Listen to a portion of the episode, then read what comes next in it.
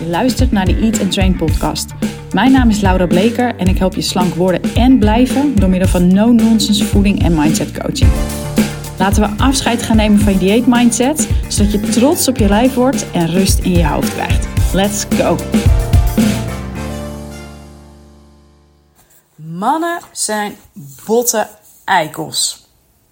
Zo, welkom bij podcast 139. Lekkere binnenkomen zo. Ehm, die binnenkomen moet natuurlijk onwijs, die opmerking moet onwijs genuanceerd worden.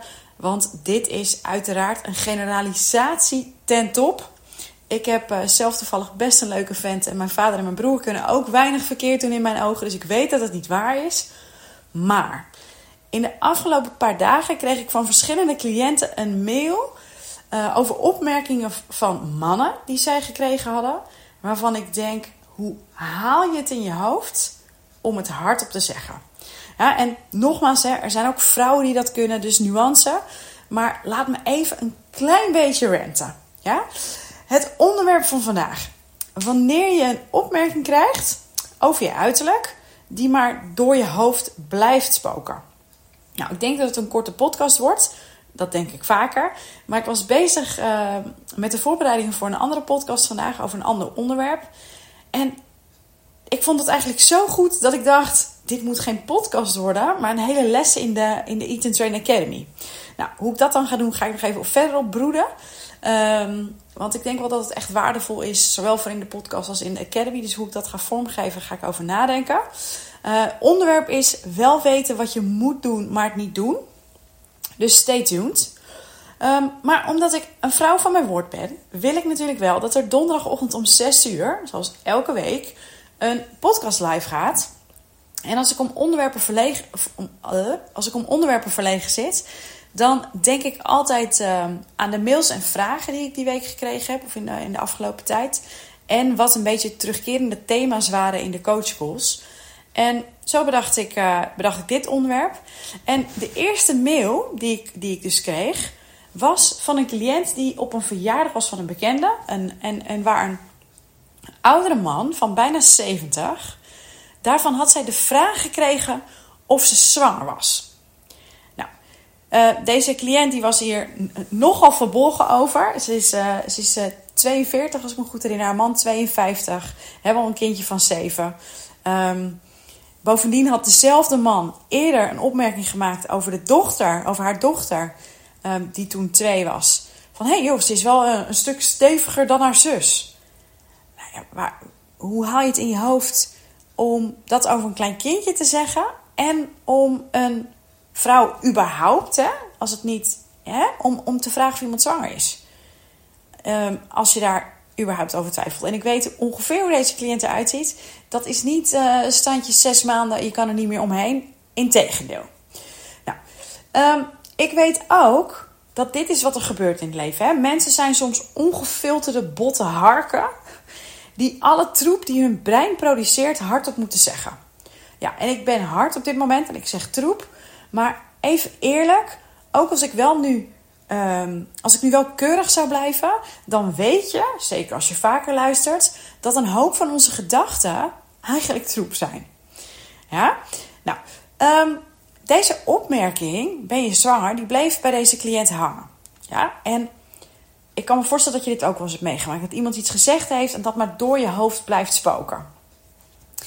Over het algemeen kun je stellen dat als iets zo blijft hangen, zo blijft spoken, als het iets raakt, dat er of een kern van waarde in zit.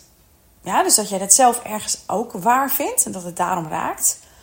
Of alles behalve dat, dus echt het compleet tegenovergestelde. Waardoor dat de trigger is. Het is zo niet waar. Het, zegt, het is zo eigenlijk het tegenovergestelde van wie jij bent en waar je voor staat. Dat als iemand uh, iets zegt waardoor het tegenovergestelde, waardoor het lijkt of, of het tegenovergestelde waar is voor die persoon, dat dat dus de trigger is. Ja, en in dit voorbeeld is de, is, is, is de buik een punt van onzekerheid voor deze cliënt. Ja, dus als iemand tegen haar zegt: Hey joh, uh, ben je zwanger? Dan kun je je voorstellen dat zij al een paar dagen door haar hoofd had spoken van: Hey joh, mensen vinden mij dik, die kijken naar mijn buik, uh, die, die, um, uh, die vinden daar wat van. En zij merkte op dat ze extra kritisch naar haar buik aan het kijken was. Ik moet zeggen dat iemand dit bij mij ook wel eens gevraagd heeft, maar toen was ik volgens mij 15 of 16 en toen kon ik wel duidelijk de rits van mijn capuchontrui open doen en laten zien dat het niet zo was. Maar ik weet dat het alsnog ook best wel een tijd door mijn hoofd gespookt heeft. Nou, als je, um, als je 42 bent, kinderen op de wereld gezet hebt, je buik eigenlijk je onzekere punt is, terwijl je er verder heel goed uitziet. Um, maar dit is, dit is het kritieke puntje naar jezelf. En ik denk dat de buik voor veel vrouwen dat is. Ja, dan, dan gaat dat door je hoofd uh, spoken. Dus zij vroeg aan mij van, joh, hoe ga ik hier mee om? Nou, mijn reactie daarop, ik heb hem even bijgepakt, ik ga hem niet voorlezen, uh, is eigenlijk als volgt. Ik vroeg haar van, joh, en dit, bij deze is ook aan jou, de vragen die je aan jezelf kan stellen, is hoe voelde je je over jezelf voordat je die opmerking kreeg? Ja, en um, kijk of je dat naar boven kan halen als je dat nog weet. Want daar mag je naar terug. je voelde je op een bepaalde manier over jezelf. En door die ene opmerking is dat eigenlijk een beetje verdwenen. Nou, kijk of je dat je kan herinneren en naar boven kan halen. Om daar vervolgens naar terug te gaan. Nou, als ik dat zo zeg, denk je waarschijnlijk, ja, uh, hoe dan? Want anders had je dat wel gedaan. Nou, door je te beseffen dat zo'n opmerking, dus in dit geval van die vent, dat dat voer is voor jouw inner criticus.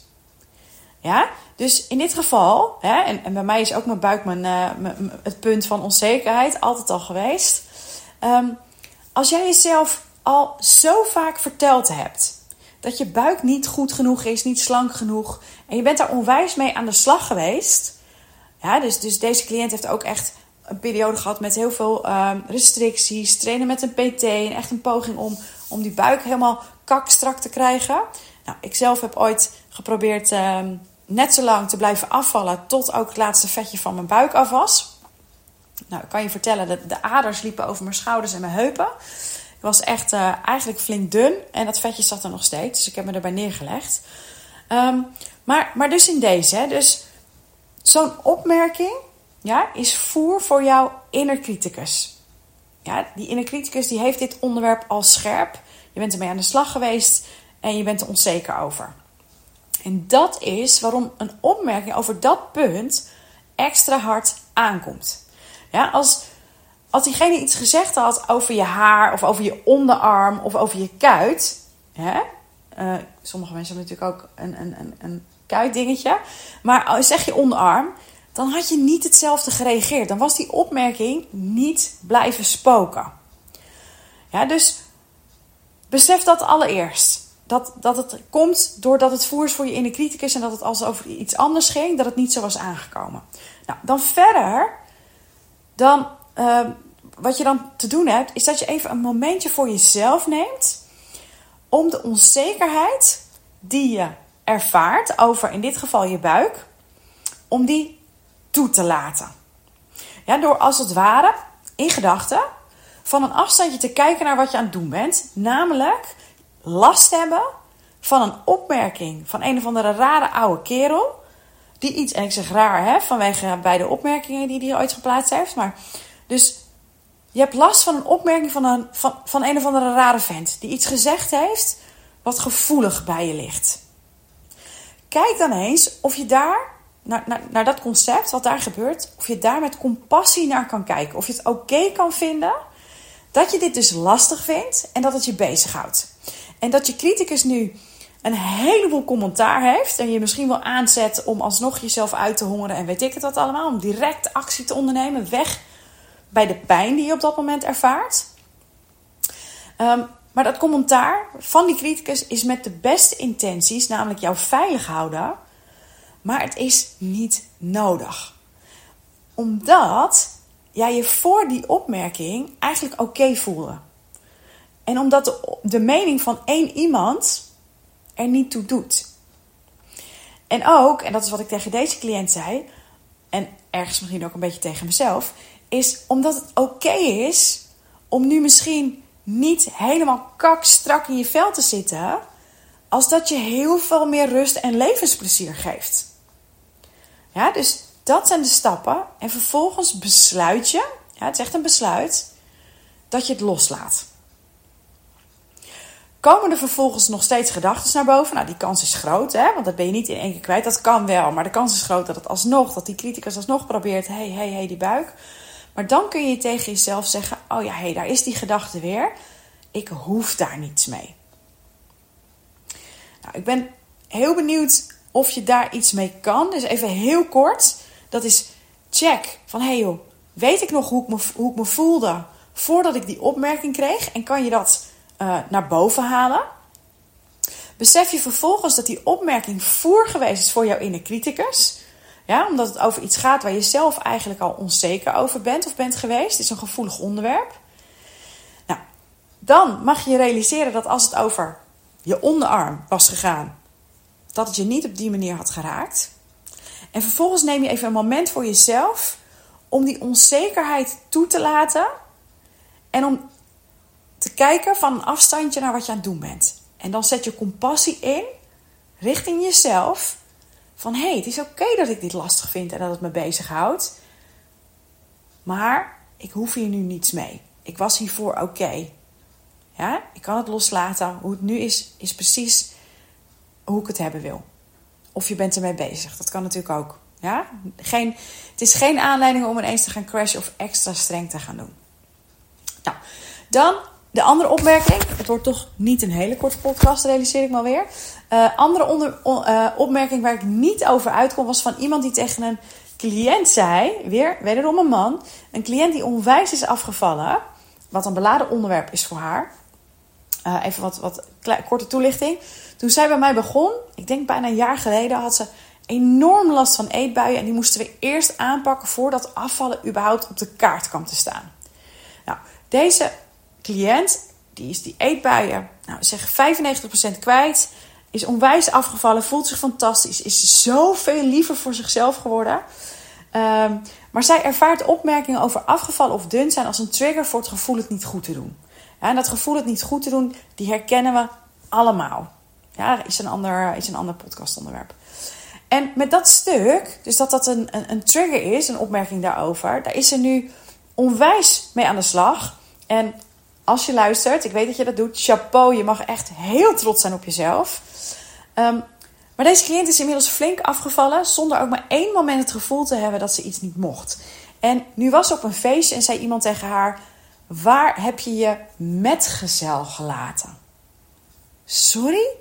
Ik vind, dat, ik vind dat dus echt niet normaal. Ik vind dat ronduit grof, onbeschoft. En ik snap echt dat het grappig bedoeld is. Maar dit kun je gewoon echt niet maken. Nou, ik vind je gewoon bijvoorbeeld een eikel. Anyway, die cliënt, zij lacht het weg en negeerde het verder. Maar ik zei tegen haar, hè, toen ik hoorde dat ze het uh, genegeerd had en het weggelachen had... van joh, probeer eens te oefenen met voor jezelf gaan staan. En ik vind dat ook altijd een beetje een vreselijke uitdrukking, maar het dekt de lading wel. Omdat, ja, als je weglacht, en in dit geval omdat zij überhaupt het eigenlijk met niemand wil hebben over dat ze is afgevallen, um, omdat dat triggert. En ik weet dat dit ook voor meerdere cliënten speelt. Dat als je bent afgevallen en je krijgt daar opmerkingen op, dat je acuut eigenlijk de, de ruimte wil verlaten omdat je het er niet over wil hebben. Maar nogmaals, ga voor jezelf staan. Want je doet jezelf anders echt tekort.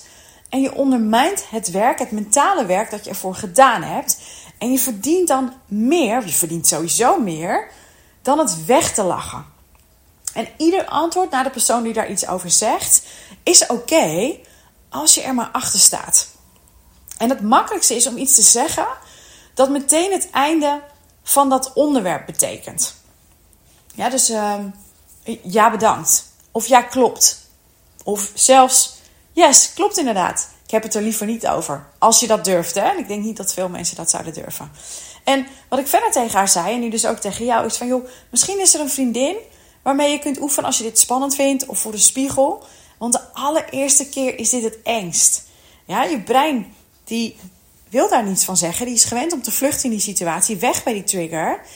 En dit is dus nieuw. En de wrijving die je voelt, die spanning van... oh jee, uh, ga ik nu iets zeggen... die is uh, dat is groeipijn. Nou, ik stuurde haar dit dus. En daarom vind ik het ook zo leuk om het in deze podcast uh, mee te nemen. Uh, ik kreeg, geloof een dag of twee dagen later, een reactie van deze cliënt dat ze dit direct is gaan doen. Ja, dus um, zij is voor zichzelf gaan staan. Ze zegt: Ik heb letterlijk mijn rug gerecht. En mijn opmerking was: uh, toen, toen had iemand, nee, iemand had alsnog gezegd. Sorry, wordt een beetje een rommelig verhaal zo. Alsnog was er iemand uh, geweest die iets gezegd had over dat ze enorm was afgevallen. Uh, dat, hij, dat haar niet ehm, herkende. En of, ze, of ze weer een kuur of een dieet had gedaan. Nou, dat heeft ze, heeft ze nooit gedaan. Maar ze zei nu rechtop: Nee, een dieet, daar doe ik gelukkig nooit meer aan. En het gesprek was daarmee meteen afgelopen. En de les die zij hier uithaalde, en, en die ik nu met jou wil delen, is dat mensen die hier iets over zeggen, over jouw uiterlijk of over of je bent afgevallen of aangekomen, die willen niet eens met jou in gesprek. Ze willen enkel en alleen een opmerking maken. En door, in dit geval, hè, als het over, het over het afgevallen zijn gaan, of ook zelfs als het een ander onderwerp is, door het gaan staan, antwoord te geven waarmee dat gesprek eigenlijk afgerond is. Waarmee je aangeeft van, hé hey dit onderwerp, mijn uiterlijk, hoe ik eruit zie, mijn lichaam, is geen gespreksonderwerp. Als je dat uitstelt en je staat daarvoor, dan is het vaak ook het einde van dat gesprek. En je kan hem rustig dan ombuigen naar iets anders. Wil er iemand nog koffie, thee, een drankje? Ik ga even naar het toilet. Helemaal prima. Maar ga er staan. Ja? Als je bent afgevallen en je vindt het lastig, Kijk of je de opmerking in ontvangst kan nemen. Doe jezelf niet tekort. Je hebt er werk voor gedaan. En kijk of je het onderwerp kan beëindigen of kan wijzigen. Ja, wees trots. Ja, die cliënt verder zei: uh, Dit was een kleine stap in het voor mezelf gaan staan. En hij is gemaakt en de groeipijn is on. Uh, ze was blij met de feedback en kon het, uh, kon het meteen toepassen. Nou, ik ben natuurlijk super trots. Um, die cliënt in het eerste voorbeeld, die, uh, die, die zei ook van... Uh, hey joh, met deze tips heb ik het eigenlijk meteen los kunnen laten, die opmerking. Ik maak me niet meer druk om. Dus ik hoop dat jij met deze twee verhalen ook geholpen bent. Um, ik ga hem nu wel afsluiten. Die podcast over het onderwerp wat ik eerder vertelde, die, die komt eraan. En um, nou ja, dat is het. Dank voor het luisteren en tot de volgende.